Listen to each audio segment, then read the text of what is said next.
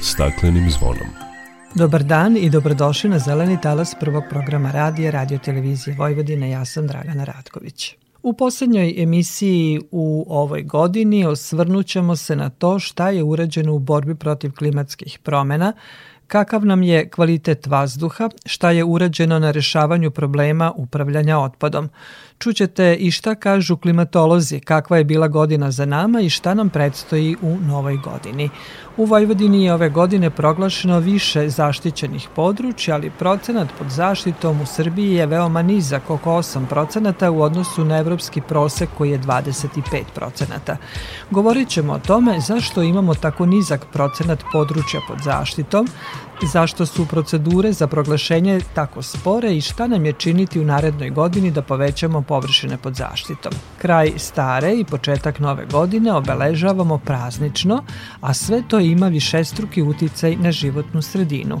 Čućete neke od saveta kako da uživamo u prazničnoj atmosferi, ali da ne nanosimo ili smanjimo štetu po životnu sredinu. O svemu tome nakon pozdravne pesme. Dok priroda kraj nas plače Za vladarskim svojim tronom. Tužno vele narikače Pod staklenim smo zvonom. Znaj vazduha više nema Sve manje je i ozona Protiv sebe ide čovek I to često bez pardona Uništenju živog sveta Kao da su ljudi skloni Čovek sam je sebi meta Zbog njega ovo zvono zvoni Uništenju živog sveta Kao da su ljudi skloni Čovek sam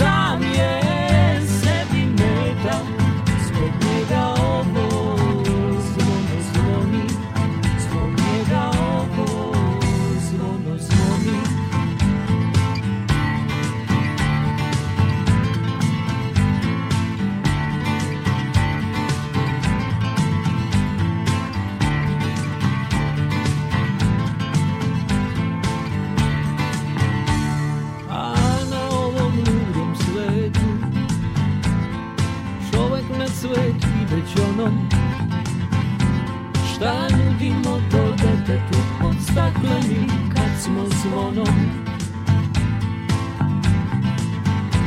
Uništenju živog sveta Kao da su ljudi skloni Čovek sam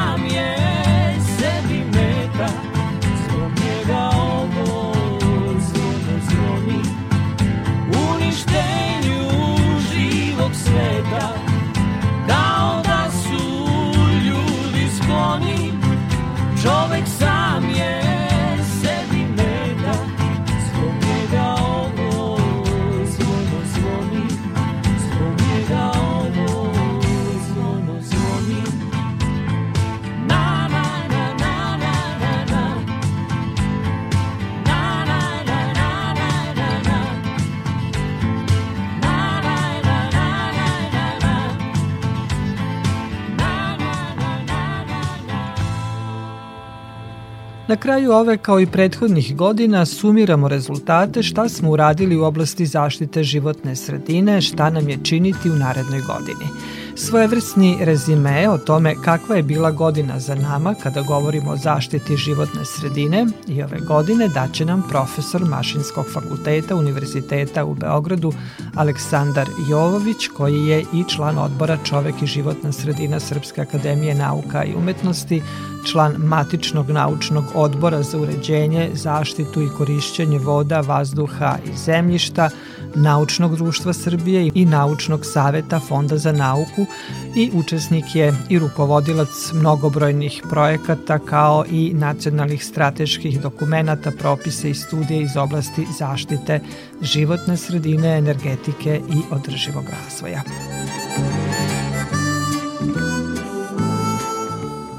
Profesore Jovoviću, vi kao stručnjak iz oblasti zaštite životne sredine, energetike i održivog razvoja ste, mogu da kažem slobodno, dobar sagovornik da porazgovaramo o tome kakva nam je bila 2023. godina kada je reč ovim oblastima, pa da malo sumiramo šta smo to uradili ove godine, šta je ono što nismo, što smo propustili da uradimo u ovoj 2023. Ove, ovo je postalo tradicionalni razgovor pred Božićne i novogodišnje praznike i baš mi je zadovoljstvo da mogu s vama da jednom godišnje, van onih povremenih slušanja, ovaj podelim razmišljanja o tome kako je izgledala prethodna godina. Ja ću se držati naravno neka tri osnovna segmenta, to je klima, otpad i vazduh, mislim, pošto to, da kažem, oblasti kojima se ja i grupa da ja radim na mašinskom fakultetu bavi i naravno kroz sve to provučeno u energetiku kao nešto što je neizostavni segment.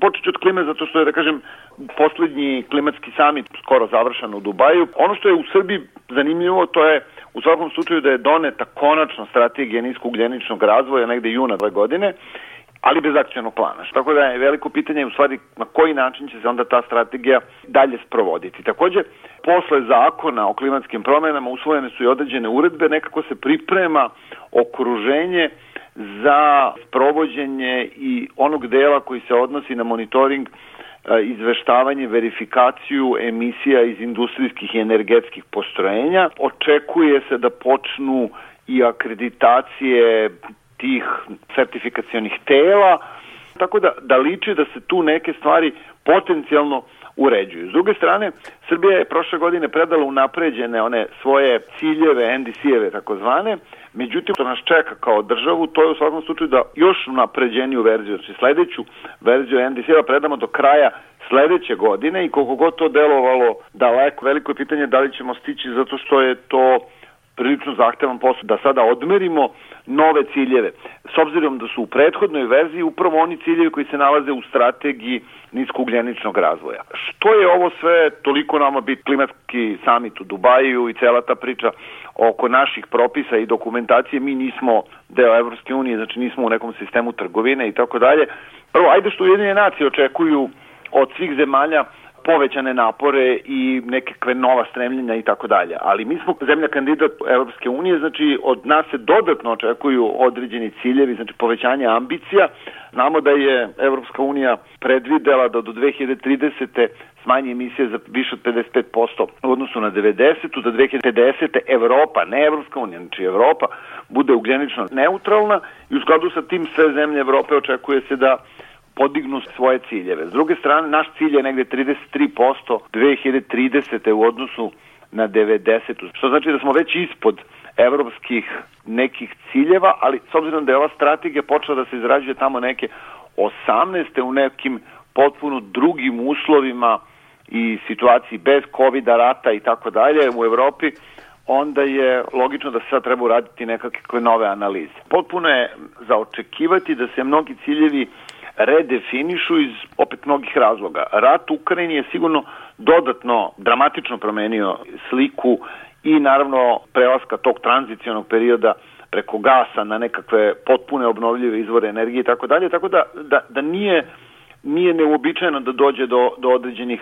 do određenih promena, ali ne deluju one tako značajne da bi dovele do povrata na nekakve, na nekakve stara semenja. Pa pazite, jedan od ključnih zaključaka i sadašnjeg klimatskog sameta u Dubaju je izlazak iz fosilnih goriva, posebno izlazak iz uglja, što nas naravno dodatno pogađa. Ono što nas specifično može da pogodi, to je u svakom slučaju karbonska taksa ili ova CBAM, takozvani na granicama Evropske unije, koji nije napravljen zbog nas, nego je napravljen zbog celog sveta. Oni koji plaćaju određene takse ili smanjuju emisije ugljen dioksida ili se ponašaju u skladu sa nekakvim tehničkim merama koliko bi trebala da budu emisije iz određenih procesa i postrojenja, neće plaćati dodatne takse na uvoz. Međutim, Srbiju trenutno, s obzirom da većina naših industrijskih postrojenja prvo koristi električnu energiju iz sistema EPS-a, znači sa velikim procentom fosilnih goriva u proizvodnji, a, a i industrijska postrojenja koriste fosilna goriva, ove ključne naše industrije izvoznici Uniju, a to je malo struja, mnogo više čelik, bakar, e, veštačka đubriva,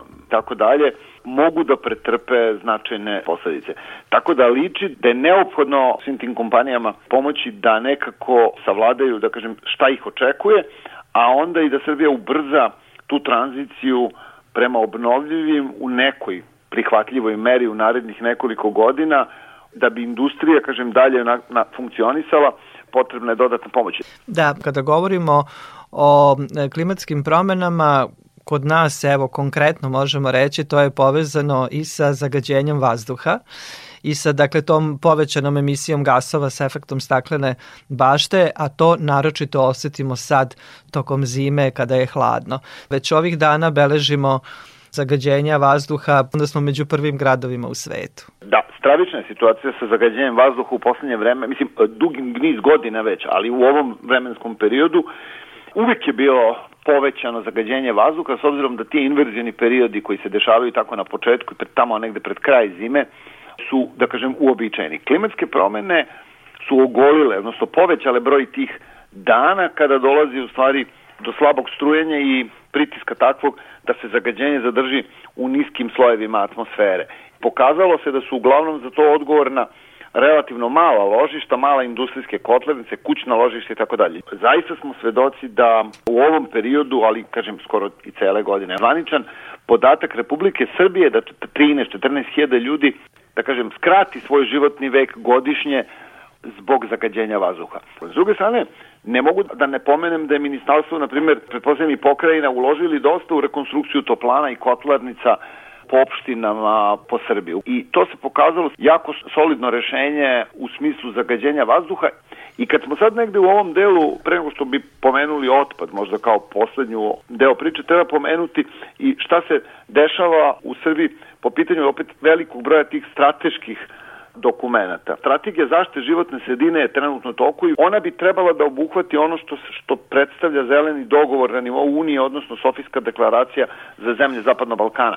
Tako da ta strategija se čeka onako sa dosta velikim nestrpljenjem da da nekakve smernice za dalji put kada je u pitanju životna sredina. Ono što je problem to je što se zeleni dogovor Evropske unije kao i ta Sofijska deklaracija vide samo kao zaštite životne sredine, a oni su u stvari strategije privrednog razvoja Evrope jer se to vidi i kroz cirkularnu ekonomiju. Pošto smo pominjali energetiku, ne možemo da ne, da ne kažemo da se u Ministarstvu energetike završava onaj nacionalni plan za energiju i klimu i strategija energetike za neki naredni period i upravo su izbori, odnosno zaustavili da se to finalizira do kraja, ali se očekuje da bi u narednih nekoliko meseci ti dokumenti trebali zvanično da se pojave. Oni bi svi trebali da budu usaglašeni sa ovom strategijom niskog geničnog razvoja, tako da liči da bi mogli da imamo nekoliko dokumenta koji nisu onako svaki za sebe napravljen, već imaju vezu jedni sa drugim. I ono što je jako važno pomenuti, prostorni plan Republike Srbije, koji je u stvari osnovni planski dokument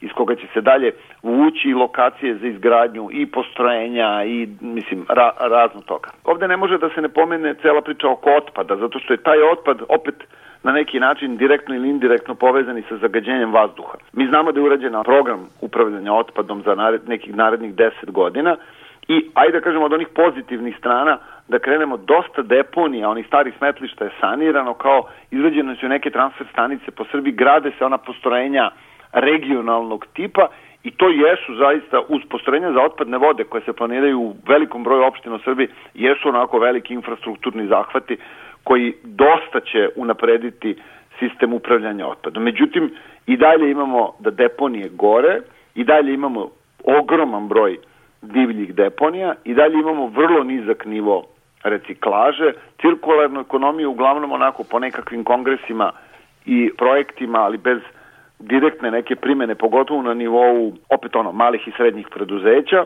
I imamo naravno uvek dobru tu zakonodavnu aktivnost gde su sada doneti i uredba o građevinskom otpadu i nova uredba o termičkom tretmanu, nova uredba o upravljanju muljem, što je vrlo zanimljivo, i predstavlja zaista iskorak, pošto je taj problem mulja već prisutan, a tek će biti kada se izgrade sva postrojenja za otpadnu vodu i određen nekim finansijskim garancijama za to kada hoćete da, da se bavite upravljanjem otpadom. Tako da, deluje mi da, da su ove tri oblasti koje smo pomenuli, klima, otpad i vazduh, prilično bile aktivne u ovoj 23. godini, ali s druge strane čini mi se da i dalje još nedostaje, pa uvek isto, onako, politička volja na raznim nivoima da se zakoni koje donesemo sprovedu.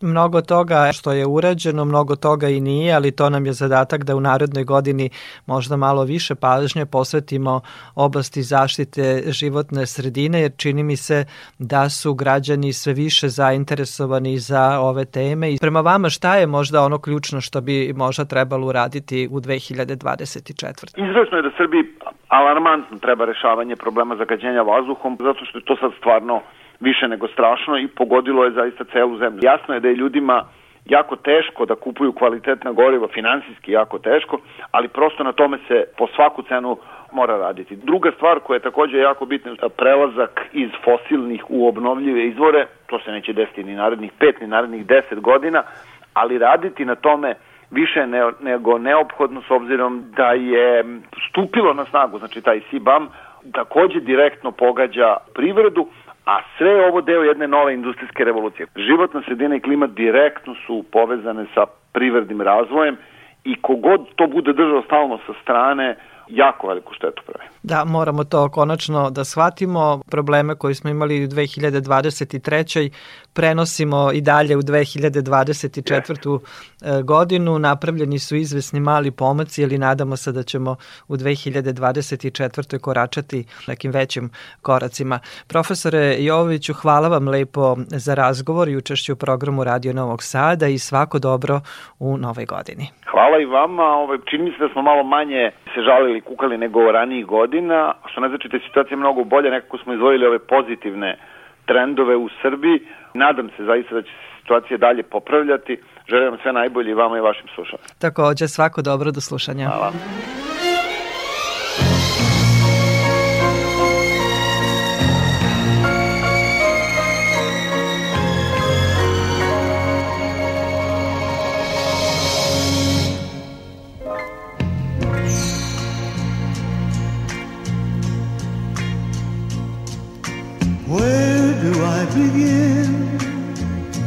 Tell the story of how great a love can be. The sweet love story that is older than the sea. The simple truth about the love she brings to me. Where do I start? With her first hello, she gave a meaning to this empty world of mine. There'd never be another love, another time. She came into my life and made the living fine. She fills my heart.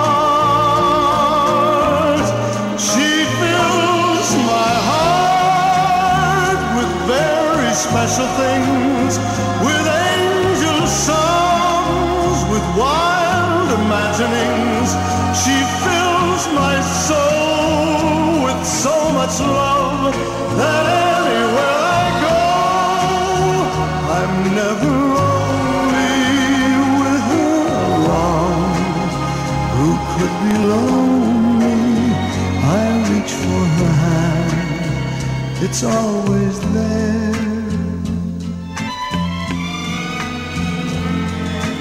How long does it last? Can love be measured by the hours in a day? I have no answers now, but this much I can say.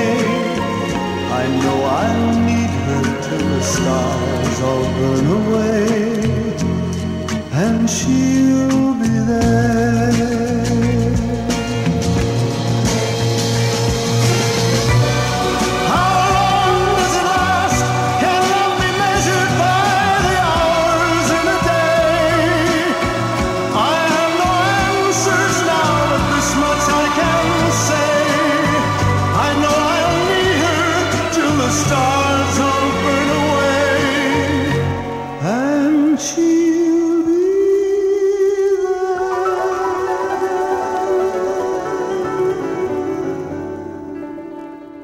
Slušate emisiju pod staklenim zvonom.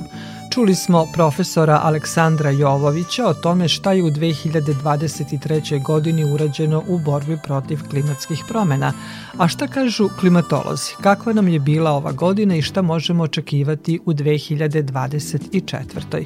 O tome za našu emisiju govori klimatolog Vladimir Đurđević godina koja je bila, da kažem, obeležena velikim brojem klimatskih i vremenskih ekstrema širom sveta, pa i u našoj zemlji, tako da neki od događaja koji su verovatno obeležili ovu godinu jesu bile, bili požari u, u Kanadi gde je izgorala velika površina šume, to je bilo oko dva puta teritorija Srbije, to su otprilike bile razmere požara koje su zadržile Kanadu ove godine. Imali smo veliki broj meseci koji su u stvari bili najtopliji meseci ikada zabeleženi po pitanju temperatura globalno. Neki od njih su bili najtopliji meseci koji su bili na nivou Evrope, pa čak i na nivou naše zemlje došlo do probijanja nekih rekorda. Recimo jesen ove godine je bila najtoplija jesen ikada od kada imamo merenja u Srbiji sa velikim brojem dana preko 25 stepeni, pa čak i preko 30 stepeni što je vrlo neuobičajeno za jesen, znači probijeni su rekordi koliko puta smo imali takozvane te letnje i tropske dane. U toku ove jeseni u našoj zemlji smo isto imali u drugoj polovini maja i prvoj polovini juna. Imali smo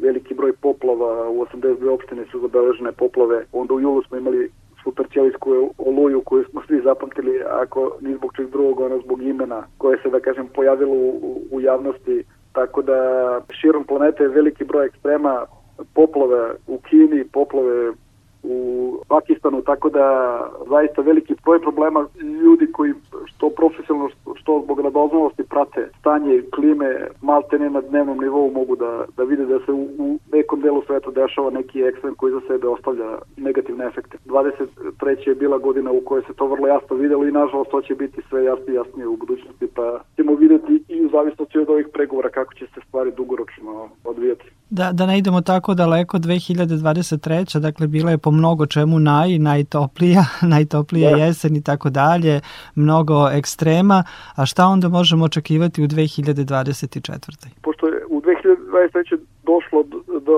um, iniciranja fenomena El Niño, Tako da je u 2023. smo već imali da je to bila El Niño godina, ali s obzirom da je El Niño obično vrhunac ima negde od polovine decembra pa do marta, a veći deo tog perioda će u stvari pripadati 2024. godini onda postoje više nego dobre šanse da će u stvari 2024. da bude još toplija nego 2023.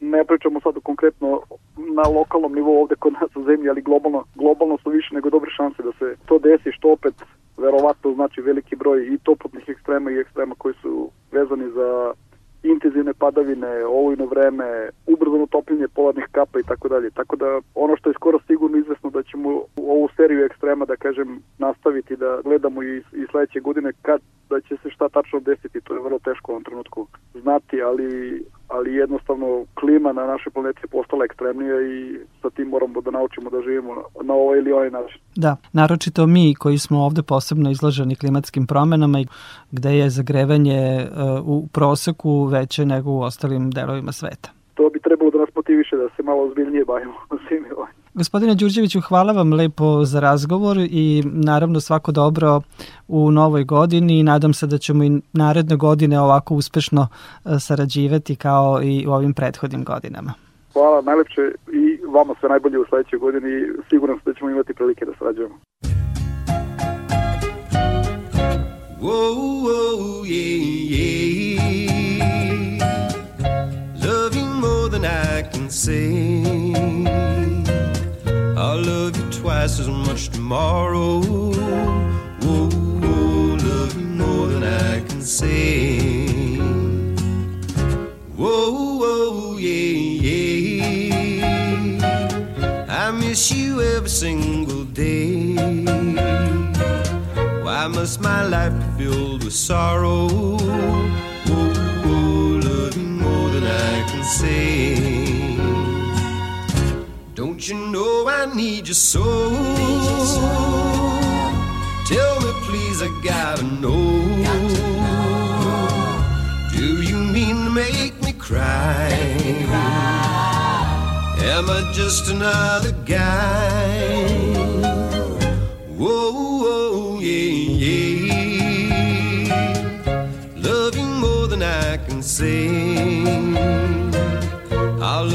twice as much tomorrow. Oh, oh, love you more than I can say.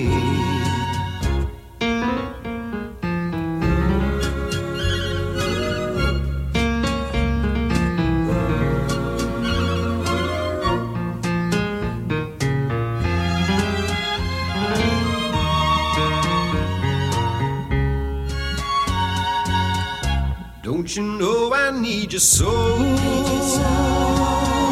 Tell me, please, I gotta know. Do you mean to make me cry? Am I just another guy? Whoa, whoa, yeah, yeah. You more than I can say.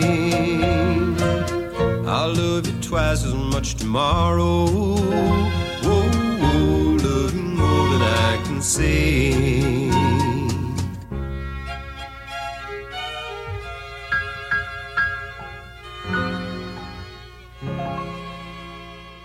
Slušate emisiju pod staklenim zvonom.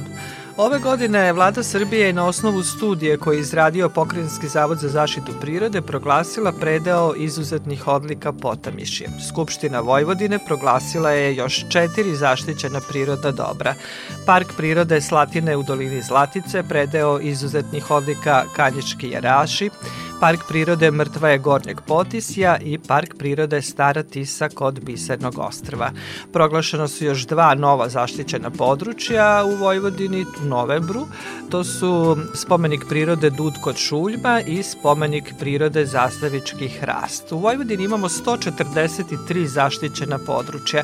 Ipak procenat, kada gledamo čitavu republiku, pod površinama koje su pod zaštitom je mali, Evropski prosek je 25%, a u Srbiji jedva smo dogurali do 8% pod zaštitom. Prema podacima sajta Protected Planet Srbija je na 39. mestu od 40 evropskih država. O tome zašto je ovaj procenat tako nizak i koji su razlozi za to, reći će nam Dejan Maksimović iz Ekološkog centra Stanište, jer su se oni bavili istraživanjima zašto imamo tako mali procenat površina pod zaštitom. Mi već godinama pokušavamo da dosegnemo sobstvene ciljeve koje smo postavili sami sebi kao društvo i kao država pre više od jedne decenije. Zaštita prirode u Srbiji počelo još polovinom prošloga veka, 70. godina da smo došli do 3% državne teritorije pod zaštitom, zatim usledio manji rast pa i stagnacija 90. godina da bi ovaj novi 21. vek dočekali se nešto više od 4,5% državne teritorije pod zaštitom. Zatim je usledio jedan manji skok na 6% i onda smo imali čitavu jednu deceniju stagnacije na oko 6%, da bi tek pre nekoliko godina počeo taj procenat ponovno da raste i danas smo došli negde do oko 8% državne teritorije pod zaštitom, a ciljevi koje smo sami sebi zacrtali i koji stoje u prostornom planu Srbije za period 2010-2020 godina jesu 10% do 2012. godine i 12% do 2020. godine. Mi smo još uvek daleko od tih ciljeva. Jedan od e, glavnih razloga jesu dugačke procedure koje se sprovode prilikom proglašavanja nekog e, područja za zaštićeno.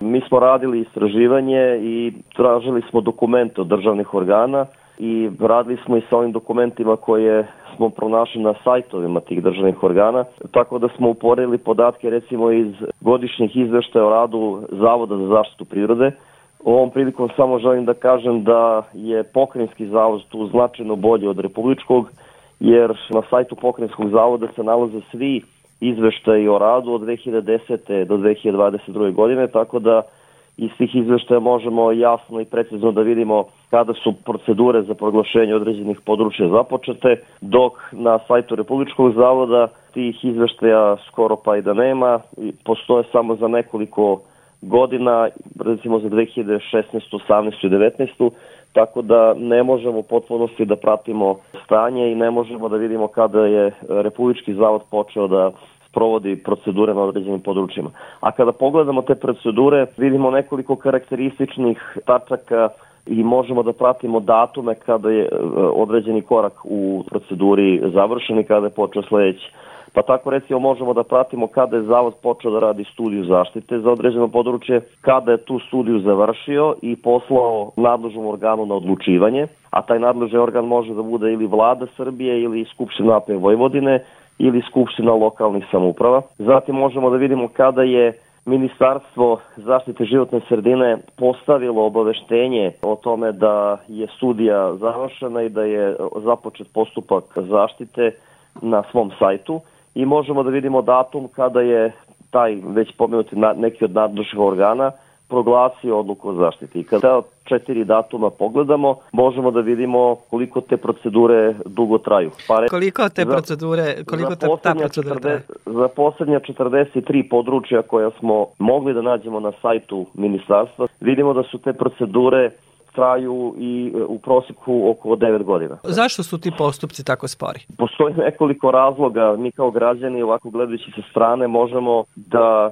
nagađamo šta je to u pitanju. Jedno od tih jeste svakako da i Ministarstvu zaštite životne sredine i Pokrajinskom i Republičkom zavodu za zaštitu prirode je potrebno više kapaciteta. Potrebno je više ljudi koji su stručni koji se bave pripremom studija i pripremom određenih postupaka zaštite, ali to nije najvažniji razlog. Najvažniji razlog je što kada se neko područje želi da se zaštiti, onda se tu dešavaju sukobi interesa zaštite prirode kao opšteg interesa i nekih pojedinačnih ekonomskih interesa nekih uskih e, grupa. Tako da e, dolazimo dotle da se suočavamo sa time da postoje investitori, postoje drugi sektori kao što su e, energetika, rudarstvo, šumarstvo, postoje čak i neki drugi državni organi kojima zaštita prirode ne odgovara. To je ono što mi e, kao građani možemo da naslučujemo, ali ne vidimo to u postupku jer postupak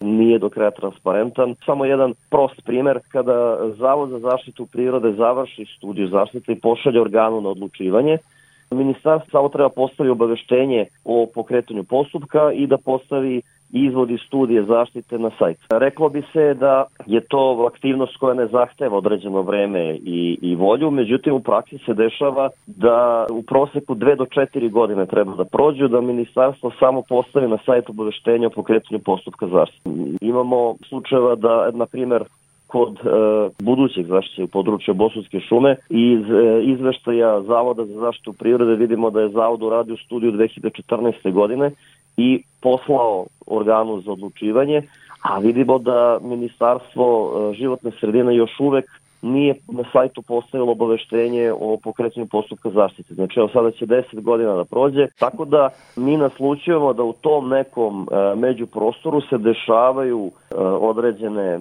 stvari koje nisu transparentne, a koje idu na štetu zaštiti prirode. Nakon 10 godina, ove godine je proglašen i predeo izuzetnih odlika Potamišje.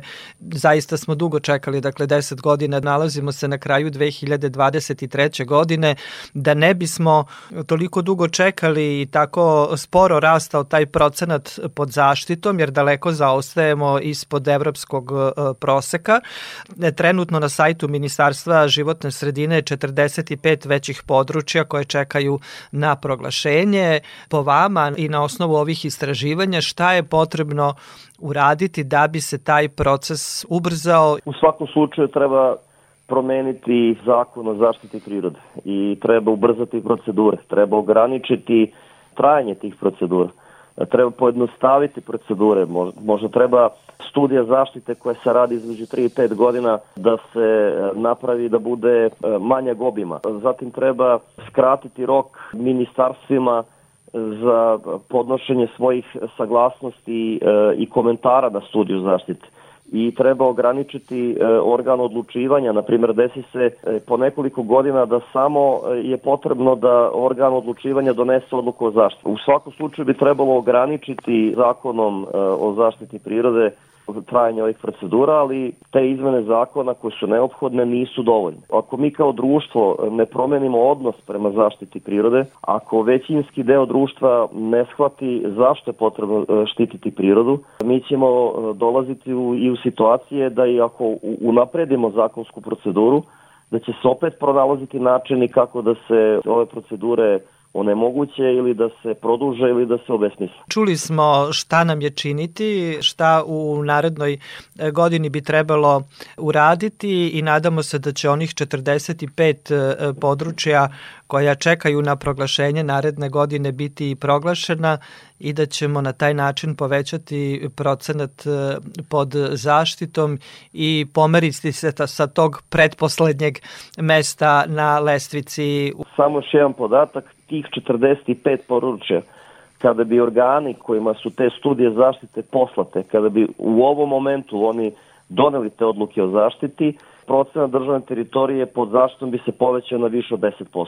Dejane, hvala vam lepo za razgovor i učešću u programu Radio Novog Sada i svako dobro vam želimo u novoj godini i svako dobro. Takođe.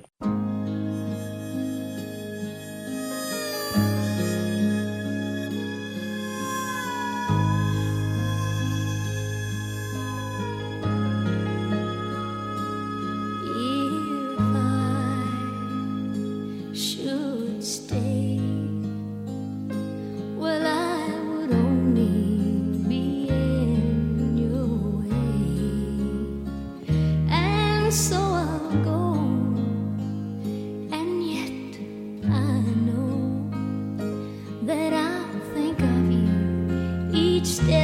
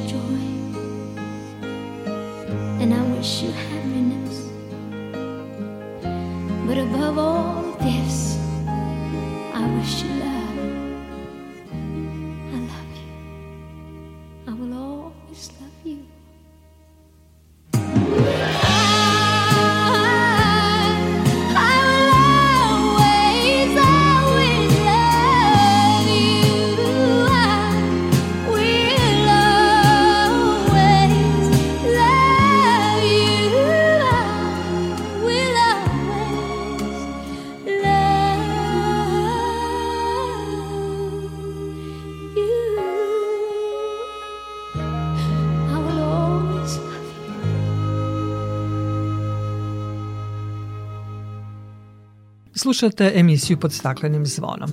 Zahvaljujući lepom vremenu za ovo doba godine još se sadi drveće. Sve obrazovne ustanove u naseljenim mestima grada Kikinde, zahvaljujući akcijama sadnje, sada imaju svoju školsku šumu. Učenici u Bašaidu kod Kikinde ove jeseni zasadili su oko 150 stabala jasena, javora, crvenolisnih formi, ukrasnog žbunja i borova. O tome Branislav Ugrinov. Učenici osnovne škole 1. oktobar u Bašidu kod Kikinda učestvovali su u sadnji desete školske šume koja se nalazi na lokaciji Dudarnica. Akcija je sprovedena u organizaciji Sekretarijata za zaštitu životne sredine, poljoprivredu i ruralni razvoj. Sadimo više biljaka, ne bacamo, ne bacamo hranu u vodu, da ne zagađujemo našu okolinu. Moramo da više štitimo prirodu i moramo više da uh, vodimo pažnju oko okoline i da, da se brinemo. Biće više drveća, priroda će biti lepša i tako. Za mene onako nije toliko, ali je dovoljno. za prirodu je mnogo znači.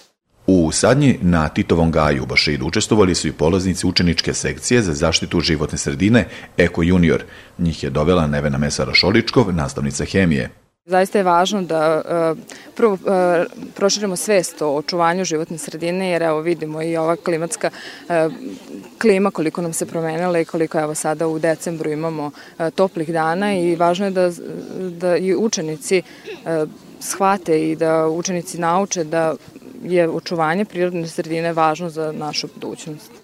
Na osnovu akcije Sadnju u Bašidu, sada sve obrazovne ustanove u naseljenim mestima grada Kikinde imaju svoju školsku šumu. Na to je ponosna i Miroslava Narančić, sekretarka Sekretarijata za zaštitu životne sredine da stabla rastu zajedno sa decom, da deca uče da sade, da deca uče da čuvaju stabla, da deca uče o zaštiti i značaju životne sredine. To je upravo eto, cilj samog sekretarijata, odnosno bio cilj ove ideje školske, sadnje školske šume. Pored realizacije projekta školske šume u planu nadležnih u gradu Kikindi jeste da se okončaju postojeći projekti pošumljavanja, ali i da se intenzivno nastavi sa sadnjom na području Kikinde, koja je pošumljena nešto iznad 1%.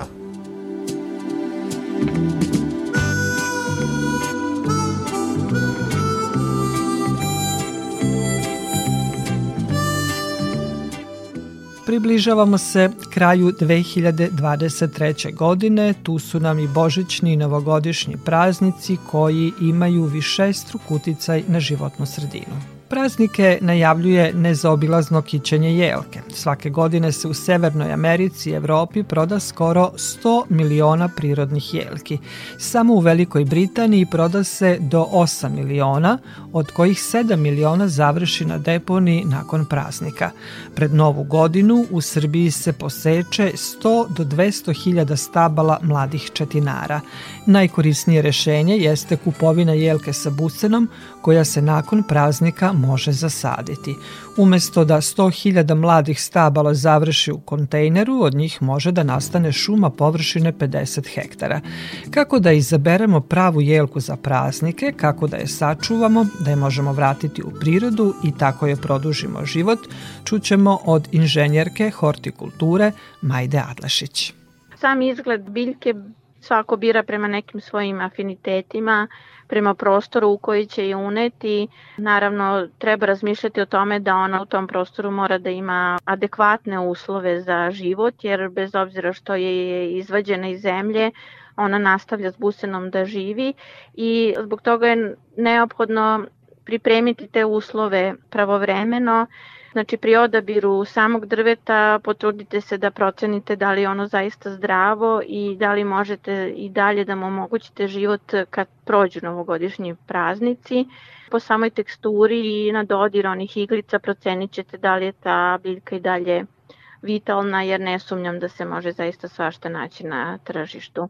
Ono što je bitno kad je donesemo kući da je ne unosimo odmah pogotovo kada su temperature ispod nule, da je ne unosimo odmah u zagrejani prostor, da je stavimo negde u neki među prostor, da li je to hodnik zgrade ili neki antre u kući, da ona prvo na nekoj srednjoj temperaturi provede neko vreme da se aklimatizuje, a onda je tek unosimo unutra jer soba sa temperaturom od oko 20 plus minus stepeni usred zime nije prostor u kojem je se ona prirodno osjeća. Da bi joj tu prirodnost što bolje nadomestili, najpre bi bilo dobro da je smestimo u posudu koja bi trebala da bude bar za jedan, što se kaže, broj veća od njenog busena. To najjednostavnije možete da procenite tako što između busena i saksije možete da stavite šaku. Znači, taj među prostor ona mora da ima, a taj među prostor mi možemo popuniti ili e, piljevinom ili nekom tresetnom zemljom laganijeg sastava ili peskom da bi zahvaljujući tome mogli da joj održavamo vlažnost e, korenovog sistema i samim tim joj omogućimo da ona preživi tih nekih eto koliko će možda biti u stanu 15 do 20 dana. Ono što je jako bitno i neophodno je da je orošavamo tokom vremena, znači bez obzira što je ona okićena, što ima ukrase, e, moramo je orošavati vodom jer ono što će joj najviše faliti u stanu to je u stvari vazdušna vlaga. I potruditi se naravno čim prođu praznici da je ne zadržavamo dugo više u stanu, da je što pre iznesemo napolje. Na isti način kao što smo i unosili, znači opet da se aklimatizuje na nižu temperaturu, pa da je tek onda nosimo van. Da, mi smo sad već rekli sve kako odabrati jelku, kako je smestiti u stan i kako je čuvati tokom prazničnih dana i šta nakon praznika, ali kad je unesemo, kada se ona adaptira, mi bi i da je ukrasimo. Na šta treba obratiti pažnju da bismo sačuvali jelku, da je ne bismo oštetili? Pa ona je živo biće, njene grane, obično te veličine koja se unosi u domove, njene grane još nisu toliko jake kao što je to kod odraslih e, biljaka, njene iglice su osetljive i nežne, Znači da to nisu neki teški, preteški ukrasi, da što manje ima onih sijaličica i ostalog što može, nažalost, da napravi neki kratki spoj, pa ne samo da uništite drvo, nego imate još neke druge vrste problema. Znači sve to što prosto njoj ne može da prija. Vrh je posebno osetljiv jer je to onaj deo kojim ona dalje raste i koji joj omogućava da dostigne visinu. Tako da tu treba biti bazriv, potruditi se znači da se ne na sam vrh, na sam taj vršni pupoljak stavlja ukras, već da se on nekako zakači bočno sa strane, da bude lep i vidljiv, ali da ne oštati tu vršnu grančicu. Isto sve vrhove ostalih grana se potruditi da sačuvamo, jer ona sad već formira te neke e, zimske pupoljke, odnosno bez obzira što ona spava, što je ovo period mirovanja, ona još kako e, živa i obavlja svoje procese pripreme za proleće. Potrudi se da je ne stavite u blizini TV-a ili nekih drugih uređaja koji previše zrače, takođe ne ni pored radijatora ili bilo kog drugog grejnog tela, znači nekako da ona ima te uslove koji su što prirodniji, koliko god da je to ovaj, izvodljivo u, u uslovima kuće. E, koliko dugo e, jelka nakon praznika može da boravi recimo na našoj terasi ili u dvorištu? a da je ne posadimo? Da, pa u stanu je nikako ne bih držala duže od 20 e, dana, a na terasi opet u toj saksiji ako je pravilno posađena, ako ima ona prostora da raste, može da sačeka i neke lepše dane proleća, Viđala sam slučajeve da ljudi to novogodišnje drvce gaje u saksijama par godina dok ono baš ne izraste pa ga onda tek sade. Znači imaju jednu biljku koju koriste svake godine, iznesu je posle praznika ponovo napolje sa tom saksijom i vrate. Tako da eto i to je neko rešenje da ovaj ne da ne vadimo stalno nove biljke i da onda posle razmišljamo šta ćemo s njima nego da imamo jednu koju koristimo više godina Postoje čak neke ideje u svetu, to sam sada primetila u zadnje vreme da ima na nekim mestima ljudi koji rentiraju novogodišnje smreke, odnosno te naše novogodišnje jelke. Znači možete otići i rentirati jelku i posle njima vratiti oni nastave o njoj da brinu do sledeće godine, što je jako zanimljiva ideja. Da, svi oni koji su se odlučili za kupovinu uh, jelke s busenom, uh, pretpostavljam da žele da je vrate u Tako prirodu. Je. Majda, hvala lepo za ove uh, savete kako da brinemo o svom novogodišnjem drvetu i naravno svako dobro u novoj godini. Hvala i vama takođe.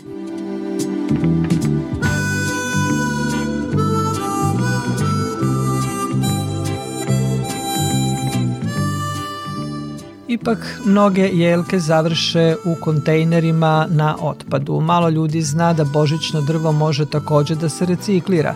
Bačene jelke mogu da se iskoriste u hemijskoj industriji, borove iglice su sirovina za proizvode kao što su zaslađivači i boje. Takođe u njima se nalaze substance koje su aktivni sastojci parfema. Stablo može da se iskoristi za pravljanje malča. Ukoliko se odlučite za plastično drvce, koristite ga što duži niz godina jer imajte u vidu da će mu trebati hiljadu godina da se plastika od koje je napravljeno razgradi.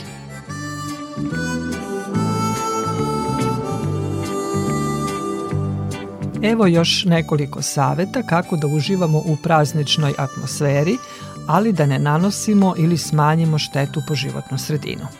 Kada već unesete jelku, treba je ukrasiti. Ukrasi razne trake uglavnom su od plastike, a vi ako se potrudite možete da ih sami napravite od osušenog lišća, šišarki, lešnika, suvog voća i drugih darova prirode kao i od papira. Planeta će vam biti zahvalna. Kada stavimo ukrase, dolaze na red lampice koje znamo da troše struju, ali i stvaraju takozvano svetlosno zagađenje.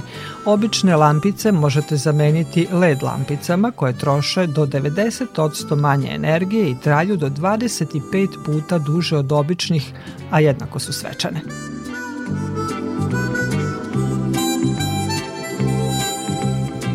Za praznike kupujemo i poklone koje umotavamo u razne šarene papire koji se teško recikliraju, a ambalažni papir sa šljokicama kao i ukrasni detalji poput mašni uopšte se ne mogu reciklirati. Rešenje, poklon možete umotati u reciklirani papir ili materijal za višekratnu upotrebu poput tekstila ili na primjer u kutiju koju će primalac poklona moći da koristi.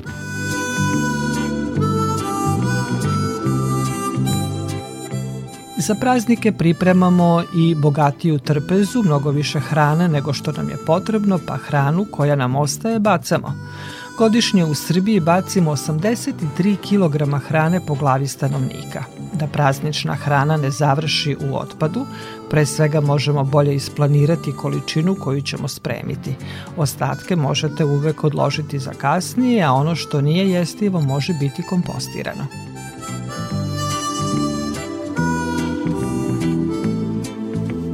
I na kraju, u mnogim mestima doček nove godine ne može da prođe bez velikih vatrometa koji sadrže barut, mešavinu sumpora, drvenog uglja, kalijum nitrata i boje. Najznačajniji zagađivač koji ispušta pirotehnika su PM čestice. Zbog upotrebe pirotehnike od srčanog udara ugine i preko 5000 pasa svake godine, a vatromet utiče negativno i na respiratorne i kardiovaskularne probleme kod ljudi. Buka koju stvara pirotehnika posebno uznemirava decu sa teškoćama u razvoju i životinje.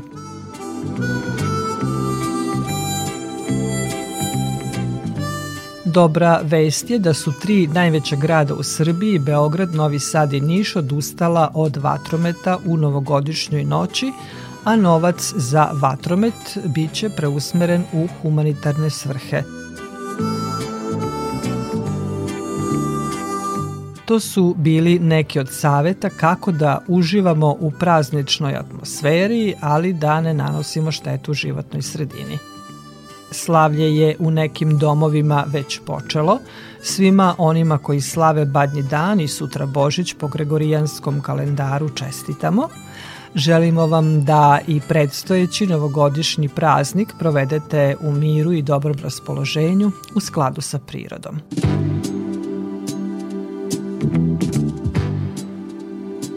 Toliko u poslednjem ovogodišnjem izdanju emisije pod staklenim zvonom koju možete slušati i odloženo na podcastu Radio Televizije Vojvodine na adresi rtv.rs.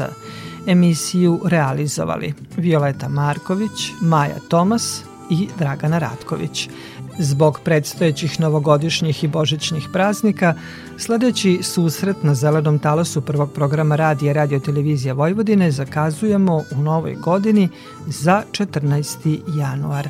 Još jednom, srećni vam praznici i svako dobro u novoj 2024. godini.